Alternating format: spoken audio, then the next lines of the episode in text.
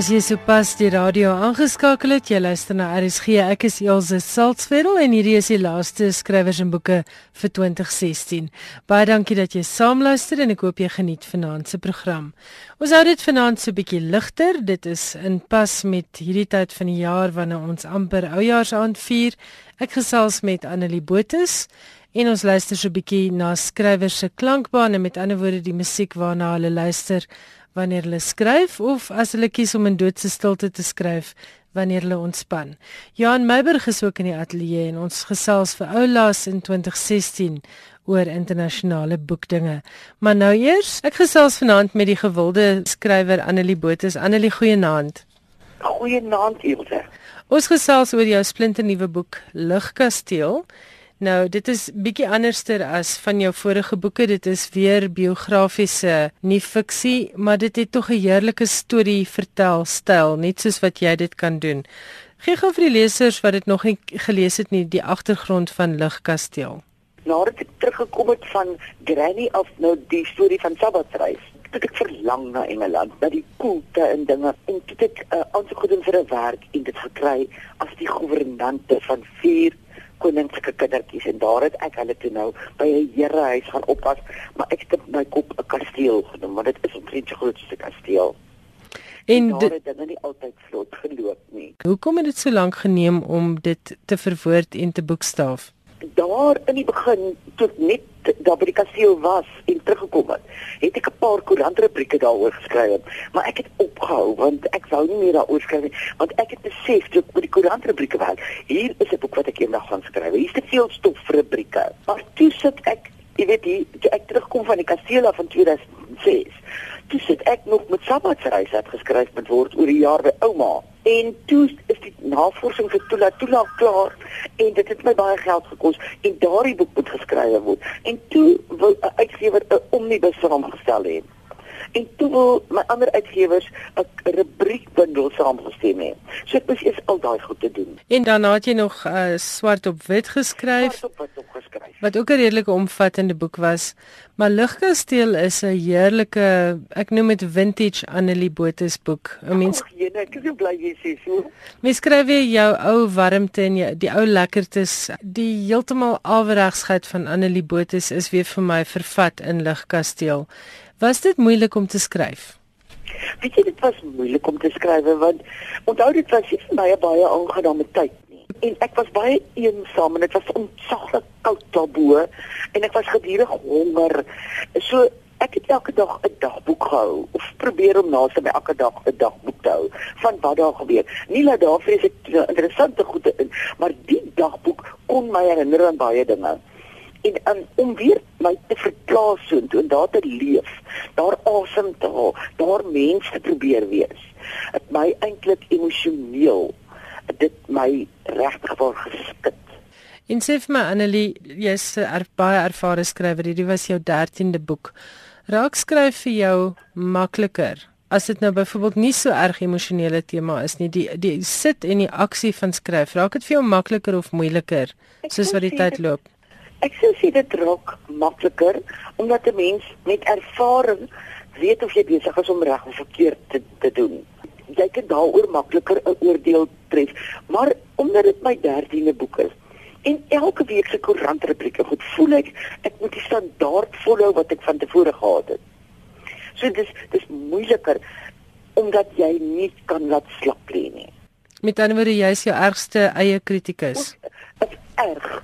Jy weet onthou as 'n mens 13 boeke geskryf het en 300 tydskrifkortverhale en 12 jaar se weeklikse rubrieke dan is daar sekere dinge. As ek byvoorbeeld wil skryf ek huil of iemand huil, wanneer jy dit die eerste maal in jou lewe skryf, dan het jy baie woorde om dit mee te beskryf.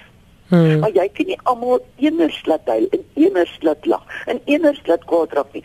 So jy moet jou karakters en mense anders te saamstel, nie vir woorde gebruik sodat iets nie 'n spieelbeeld van 'n ou scenario is nie ek ek dink ek dink lesers is nie dom nie. En lesers sien as iets nie meer moeite gedoen is nie. Ons dink miskien hulle sien dit maar hulle sien dit. As jy nou terugkyk op 13 boeke, watter een was jou gunsteling om te skryf? Ek dink Klavervuur. Dit was my derde boek. Klawer 4 handel oor die bewaring van fynbos. Maar dit is nie 'n wetenskaplike boek nie. Alhoewel al die wetenskaplike feite in die boek is korrek. Maar dit gaan oor die kloof, die Kamanassi in naby Uniondale waar die storie afspeel in die fynbos gebied daai. Dit gaan oor die lewens van 'n paar gesinne in hierdie kloof en hoe een man alleen stryd gevoer het om fynbos te bewaar. En dit speel in my kop af op die plaas waarop ek groot geword het. En dele van die storie is ook ek wil amper sê my familie se storie. Lê baie na in my hart omdat ek my pa was in 'n rolstoel na die einde van sy lewe toe. En in sy laaste dae het hy in die rolstoel in die Wattelbos beland daar op die plaas. En dit was werklik so.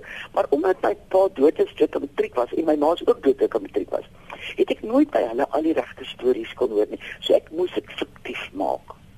Goed. Omdat ek my eie goeie besluit, maar die boek lê regtig na my dat ek sien my pa in die rolstoel. Ek sien hom by my ma se begrafnis. Ek sien hom in die hospitaal. En dit is alles deel van die boek. En hierdie boek maak ook 'n draai in Ligkasteel, is ek reg? Die vertaling daarvan. Ja, ja, hy, maak 'n groot hy speel eintlik 'n groot rol op die ou einde.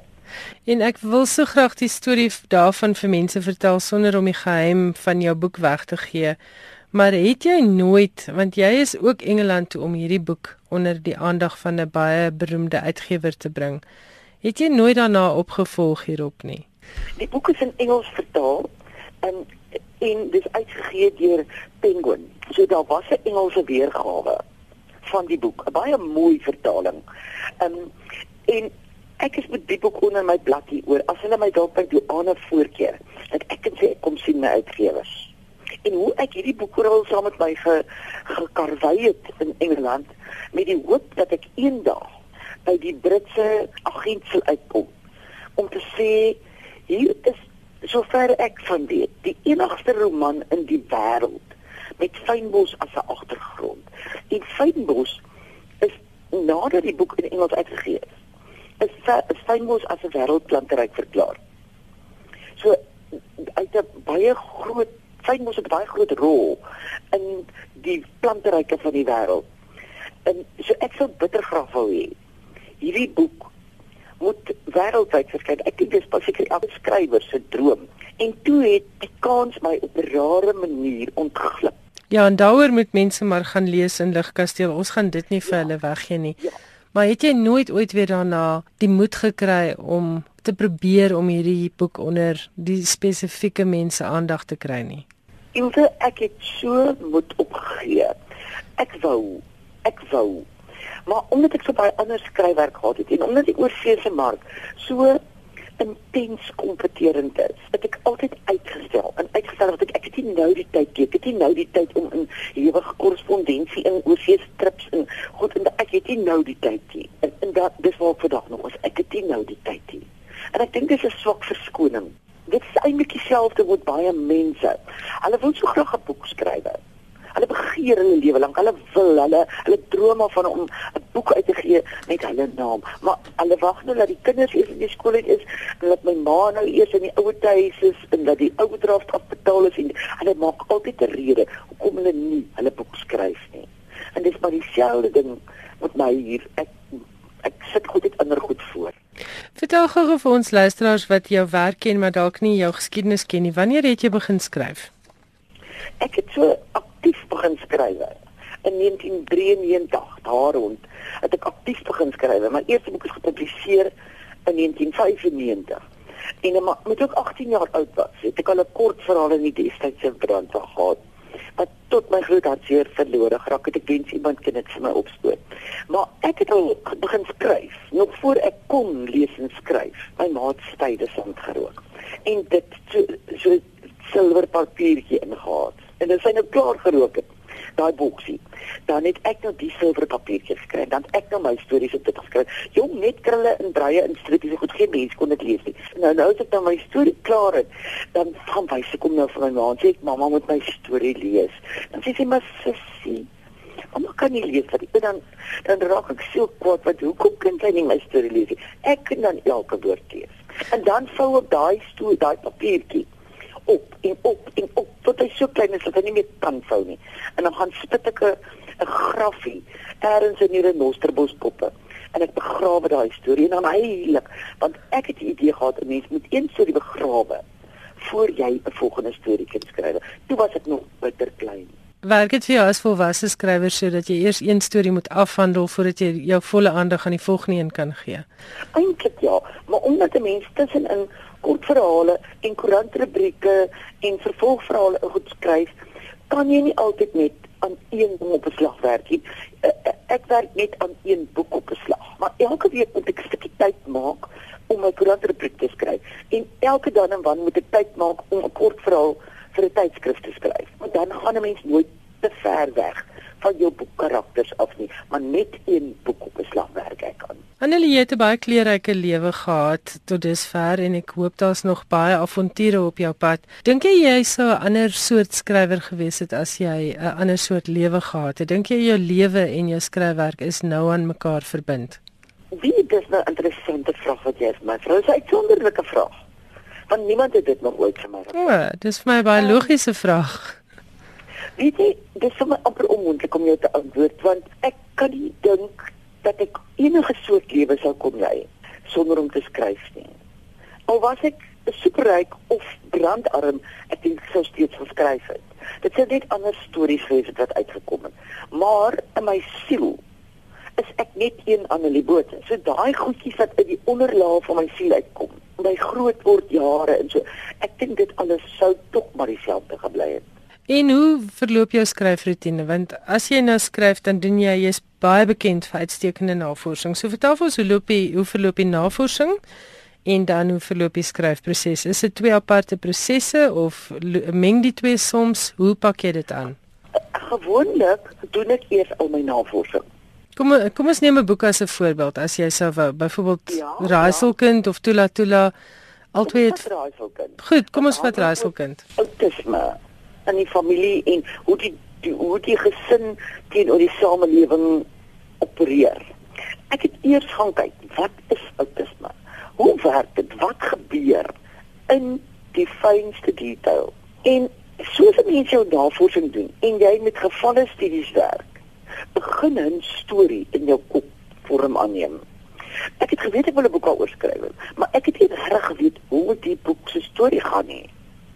Totdat ek met meer en meer en meer gevalle studies gewerk het.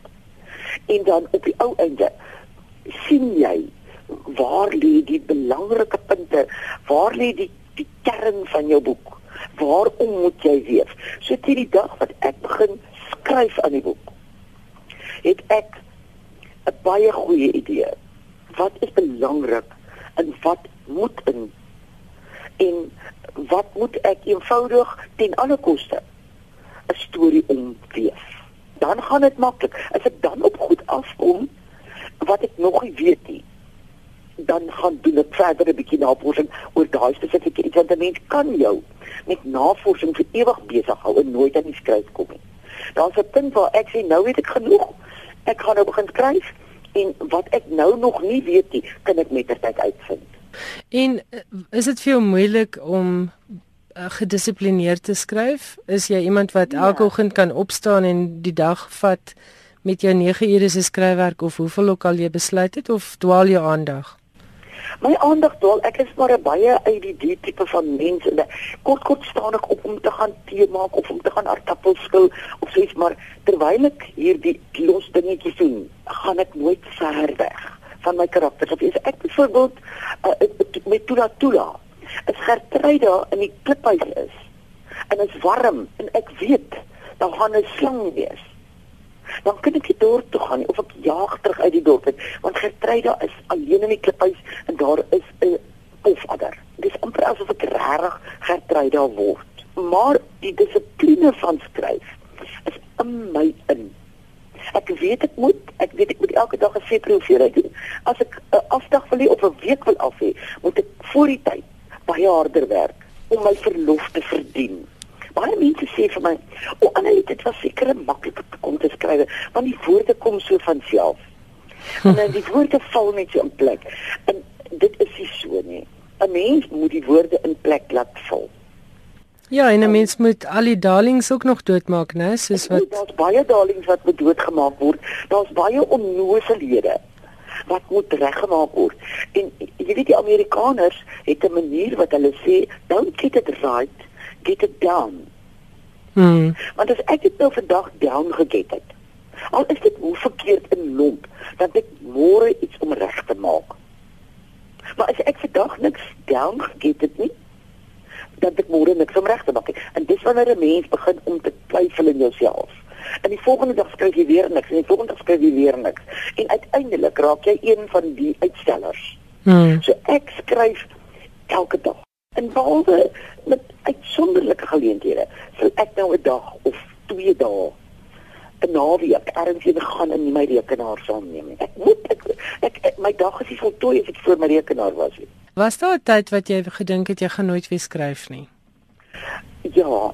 Daar was 'n tyd wat ek lewensmoeg was. Ja, en hoe oorkom 'n mens dit dan as as skryf jou passie is jou asemhaling? Jy sê ek het my laaste skryf asem uitgeblaas. Ek wil nie meer nie. En dan kom jy tot die besef jy en jy alleen is verantwoordelik daarvoor. As jy nie meer wil skryf nie en daar ontstaan 'n leemte in jou lewe omdat jy nie meer wil skryf nie.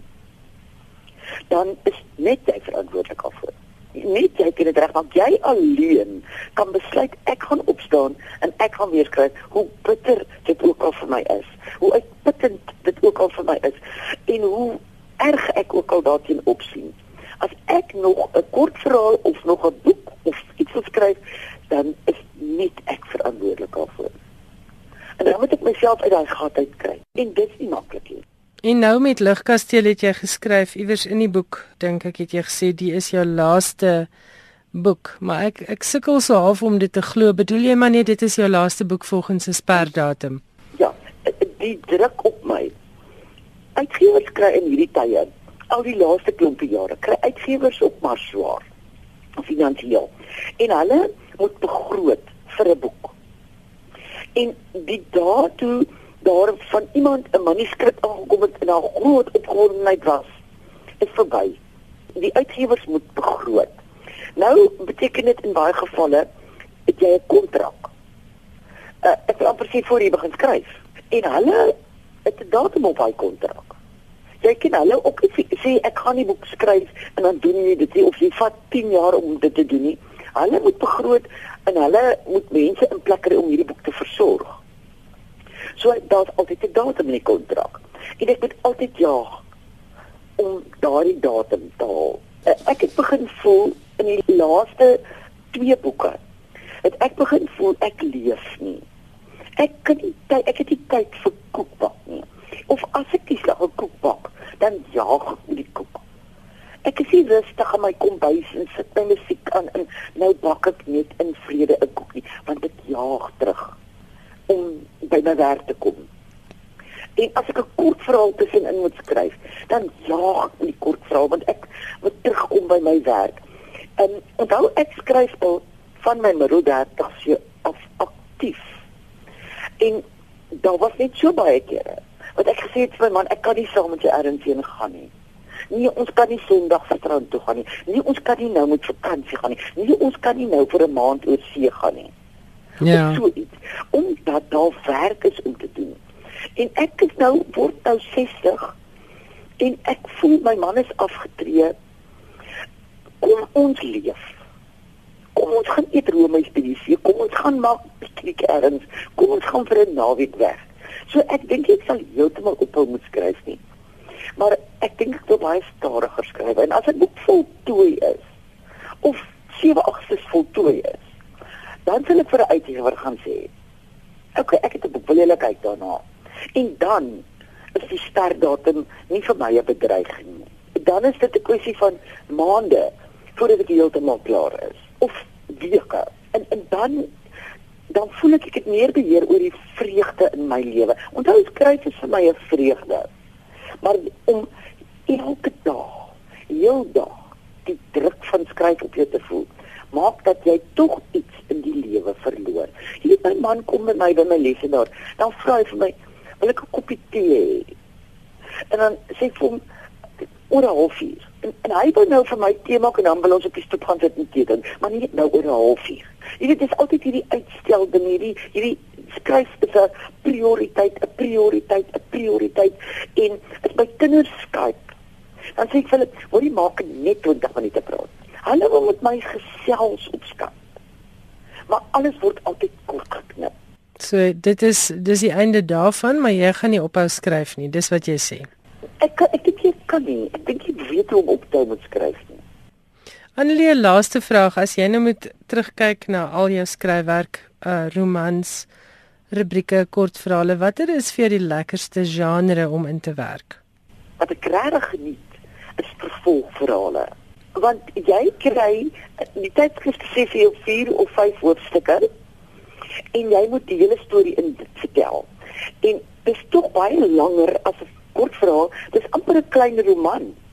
So jy het 'n breër skoop, maar jy weet dit gaan my net 3 weke neem as dit klaar. Onthou ook in vervolgverhale wil hulle graag hê jy moet elke hoofstuk op uh, wat hulle sê 'n cliffhanger eindig.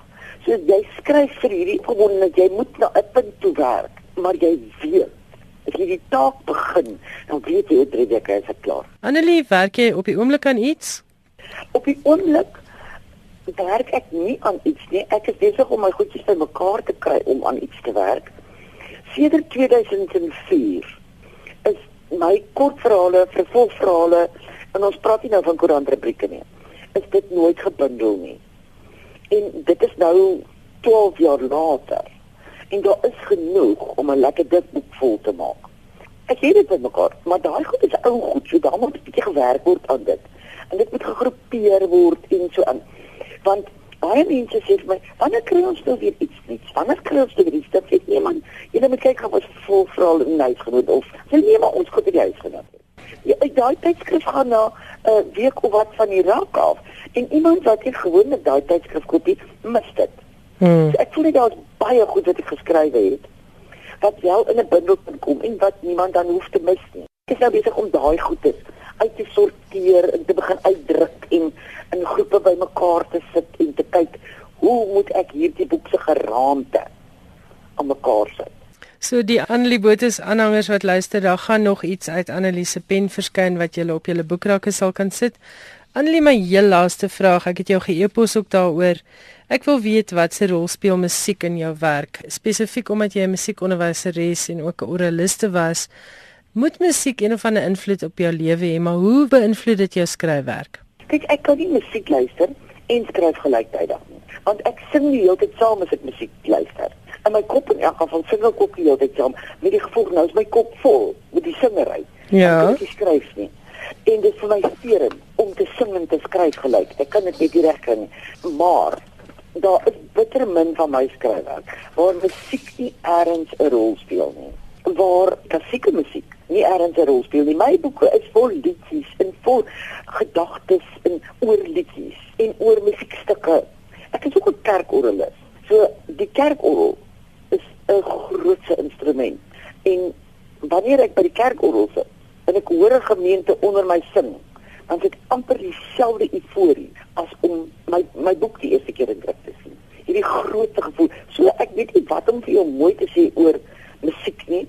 Ek speel self tog baie klavier en as ek baie hartseer is, speel ek klavier en dan sit ek maklik in huil voor die klavier. Jy het gesê met swart op wit het Lorika Raug se die gang uh gespeel die hele tyd. Oek, wie daar, daar was een van die uitsonderings wat ek daai CD op herhaal gesit het. En dan speel daai ding oor en oor. Onthou dit was vir swart op wit. En swart op wit was een van die moeilikste boeke wat ek ooit geskryf het omdat ek emosioneel in 'n diep donker gat was toe ek met die boek begin het. En ek dink die ritueel van daai lied wat oor en oor en oor gekom het, het my op op 'n manier geprogrammeer En op die ou einde het die gang, die lied, die gang deurlopend deur daardie boek 'n rol gespeel. Elke seksie van die boek is met hulle toestemming 'n reël uit die liedjie van die gang. So in plaas van te sê hoofstuk 10 of hoofstuk 6, het ek 'n reël uit die gang as hoofstuk opskrif. Dr. Annelie Botha, baie dankie dat jy vanaand met skrywers en boeke gesels het. Ek wens vir jou nog baie boeke toe. En ek wil maar net vir luisteraars sê as jy lekker vakansie lees of soek, kyk gerus na Ligkasteel wat onlangs by Penguin Random House verskyn het. Annelie, mooi 2017 vir jou, lekker skryf en ons sien uit nou nog baie uit jou pen. Ek gesels nou met Johan Meiburg oor die internasionale letterkunde. Johan en hier is ons so waar by die laaste skrywers en boeke vir 2016. En in die media wêreld staan dit tyd mos bekend as komkommertyd. Ja, maar uh, ek is seker daarvan jy kan vir ons lekker nuus bymekaar skraap. Nuus is min en mense beweeg in 'n lae rad en in die boekewêreld het die wiele ook tot stilstand gekom. En dis dalk die rede waarom die media en die feesgety oorsigte die wêreld instuur. Maar die wins is dat 'n mens die geleentheid kry om die jaar 'n bietjie in oënskou te neem en 'n klein bietjie te reflekteer. Verso Die uitgewer het oudergewoonte ook sy eie lys bekend gemaak van treffers wat nie deur hulle uitgegee is nie. Meer van 'n bydrae tot 'n gesprek as blaatante reklame. Op Versus se lys verskyn fiksie wat in 2016 gepubliseer is en ook 'n paar boeke wat vroeër verskyn het. Een van hulle het my aandag getrek. Dis 'n boek wat in 2013 verskyn het by die onafhanklike uitgewer And Other Stories In die boek is Ivan Vladislavic se Double Negative wat hy geskryf het in samehang met David Goldblatt se foto-uitstalling TJ die indertydse registrasienommer van Johannesburg. Die verhaal is een van geskiedenis en geheue van aanduidings van 'n verlede wat hardnekkig klou en eweneens staan of gewoon verbleik. Double Negative is die verhaal van Neville Lister wat 'n dag deurbring saam met die fotograaf Saul Auerbach met heelwat ooreenkomste met Goldblatt terwyl hy fotos neem van huise in Besuitnout Vallei in Johannesburg. Op Versus se lys van hoogtepunte uit 2016 is daar dan Han Kang se tweede roman Human Acts uitgegee deur Portobello. 'n Boek wat die verkenning is van geweld en menslikheid. The Lesser Bohemians van Emer McBride uitgegee deur Faber 'n boek waarin taal soos in haar eerste roman A Girl is a Half-Formed Thing swig onder die druk van seks en geweld en La Divine van Marie Njai vertaal deur Jordan Stump uitgegee deur Mackelhouse op die rangdys van die Man Booker International Prys die verhaal van transformasie en trauma wat strek oor vier geslagte. In plaas daarvan om net 'n lys van vanjaar se treffers te gee, The Guardian van skrywers wou weet watter boeke vanjaar op hulle indruk gemaak het. Lionel Shriver, die Amerikaanse skrywer wat vroeër vanjaar 'n herrie ontketen het toe sy op literêre fees in Australië opmerkings oor kulturele appropriasie of toeëning gemaak het, het twee boeke uitgesonder. Nathan Hill se debuut The Nix wat volgende jaar in Brittanje verskyn en Han Kang se The Vegetarian die boek waarmee sy vanjaar die Man Booker International Prys verower het. In haar Kerskous hoop skrywer op Philip Roth se The Ghostwriter.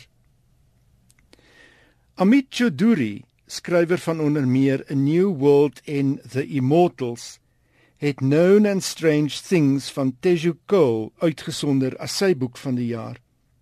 In die bundel met net meer as 50 opstelle oor politiek, fotografie, reis, geskiedenis en letterkunde, bring Cole ook Afrika en Indië in die prentjie.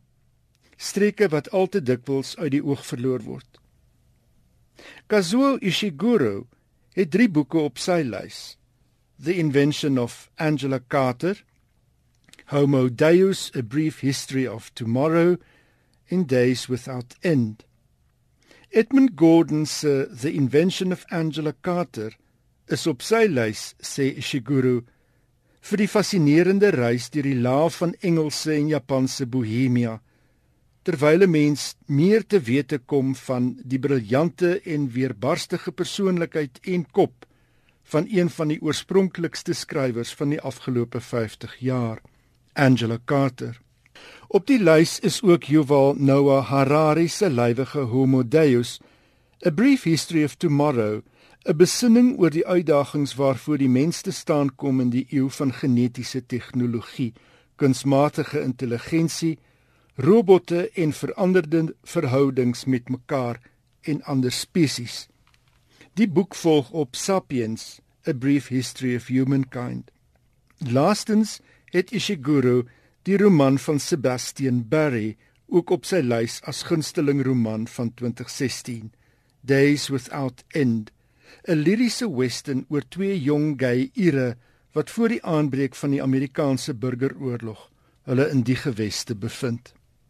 Jeanette Winterson, die Engelse skrywer en veral bekend vir haar eerste boek Oranges Are Not the Only Fruit, het twee digbundels op haar lys.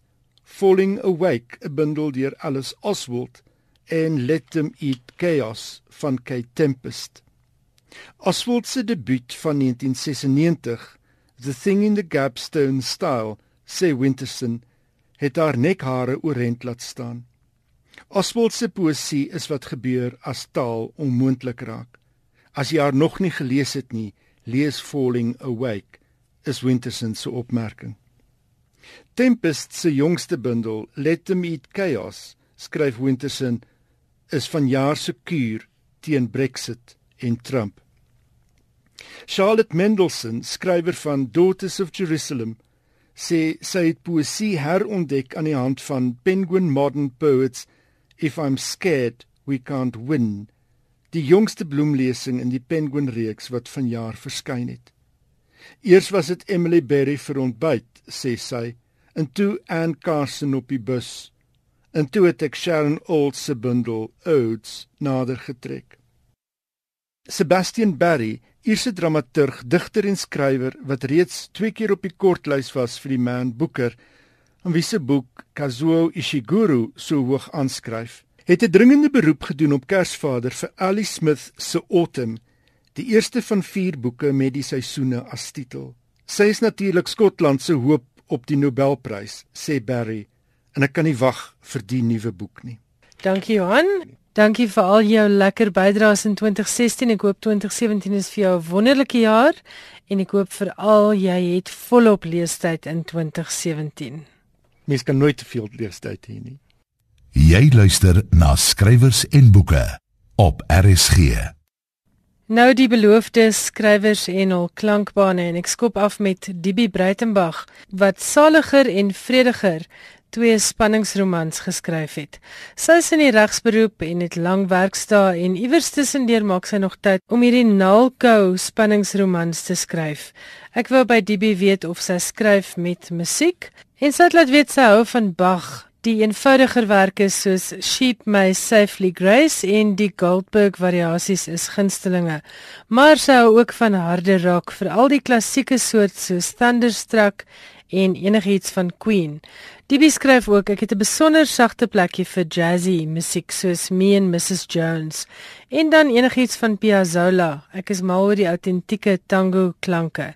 Die eerste beweging van Mozart se simfonie in C majeur en die eerste beweging van Mendelssohn se Italiaanse simfonie is ook groot gunstelinge. En dan enigiets wat Cesaria Evora sing. Ek is oor die algemeen baie lief vir fado musiek.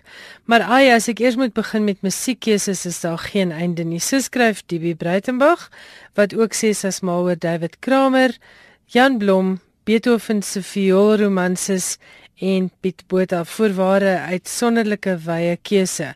Ek het vir egter gesê sy moet 3 werke kies en so het ons dan uiteindelik afgekom op Hallelujah van Leonard Cohen, Chardonnay van Jan Blom en Besame Mucho van Cesaria Evora. Ek het met Martin Stein gesels vroeër in hierdie jaar oor sy thriller Swartval En ek wou by Martin ook weet of hy spesiale musiek het wanneer hy skryf. So skryf Martin Stein. Ek het amper altyd musiek aan wanneer ek skryf, alhoewel ek soms so in die storie wegraak dat dit my ruk lank neem om te besef my speellys is verby. Ek luister meestal net na die musiek waarvan ek hou wat hoofsaaklik rock en alternatiewe musiek is. My gunsteling groepe is Cedar, Breaking Benjamin, Nirvana, die oorspronklike Flyleaf en Led Zeppelin en ek is ook 'n groot Jan Blom aanhanger. Maar skryf Martin Stein my CD versameling strek van Brandy Carlile tot by Megadeth. So daar is baie speling en daar selfs Elvis Presley tussenin. Op die oomblik luister ek na die nuwe Blomtrein. Dit is Jan Blom en Neil Nagtrein. Soms skryf Martin Stein kies ek doelbewus iets om die regte atmosfeer te skep vir 'n spesifieke toneel of selfs die hele boek, soos met Swartval die geval was. Omdat Claire in 'n kelder aangehou word, is daar nie lig nie. Sy is met tye vasgebind, sy word aangerand en daarvoor het ek na heavy metal geluister. Martin skryf hy het 'n ou heavy metal plaat gaan uitgrawe en net daarna geluister. Dit het my beslis in daardie donker by geplaas om Claire se verskriklike en verskrikkende omstandighede te kon vasvang. Maar ek was baie bly toe die storie klaar was en ek weer normale musiek kon luister. En dan spot Martin Stein se bietjie met homself. Hy sê hy weet nou nie hoe geskik sy musiek smaak vir RSG is nie, maar hier is van sy gunstelinge. Cedar se country song, Jan Blom se Halleluja en hoor jy my? Dalk ook Bruiten se brief deur Jan Blom. En natuurlik Groentrey ook deur Jan Blom. En dan Breaking Benjamin is nog 'n album wat hy noem en daarop spesifiek die snit Diary of Jane. Maar voordat ons dan die program afsluit met Bruiten se brief deur Jan Blom, dit is een van Martin Stein se keuses, wil ek net baie dankie sê dat jy hierdie jaar saam geluister het na skrywers en boeke. Dankie vir die SMS'e en vir die e-posse en maak gerus weer so die SMS nommer is natuurlik nog steeds 34024 Elke SMS kos R1 en die e-posadres is skrywersenboeke@rsg.co.za of stuur sommer via ons webwerf vir e-pos na die ateljee. Ek hoop jy het wonderlike boeke wat jy hierdie laaste paar rusdae kan lees. As jy nie so gelukkig is om verlof te hê nie, hoop ek jy daarom so 'n klein bietjie kan afskaal op al die aktiwiteite en bedrywighede. Volgende week is ek terug met nog 'n skrywers en boeke dan gesels se Zetkotse Meiberg in Kaapstad met Tom Dreyer oor sy nuwe roman Dorado. Tot dan, voorspoed vir 2017 en lekker luister na Bruiten se brief deur Jan Blom.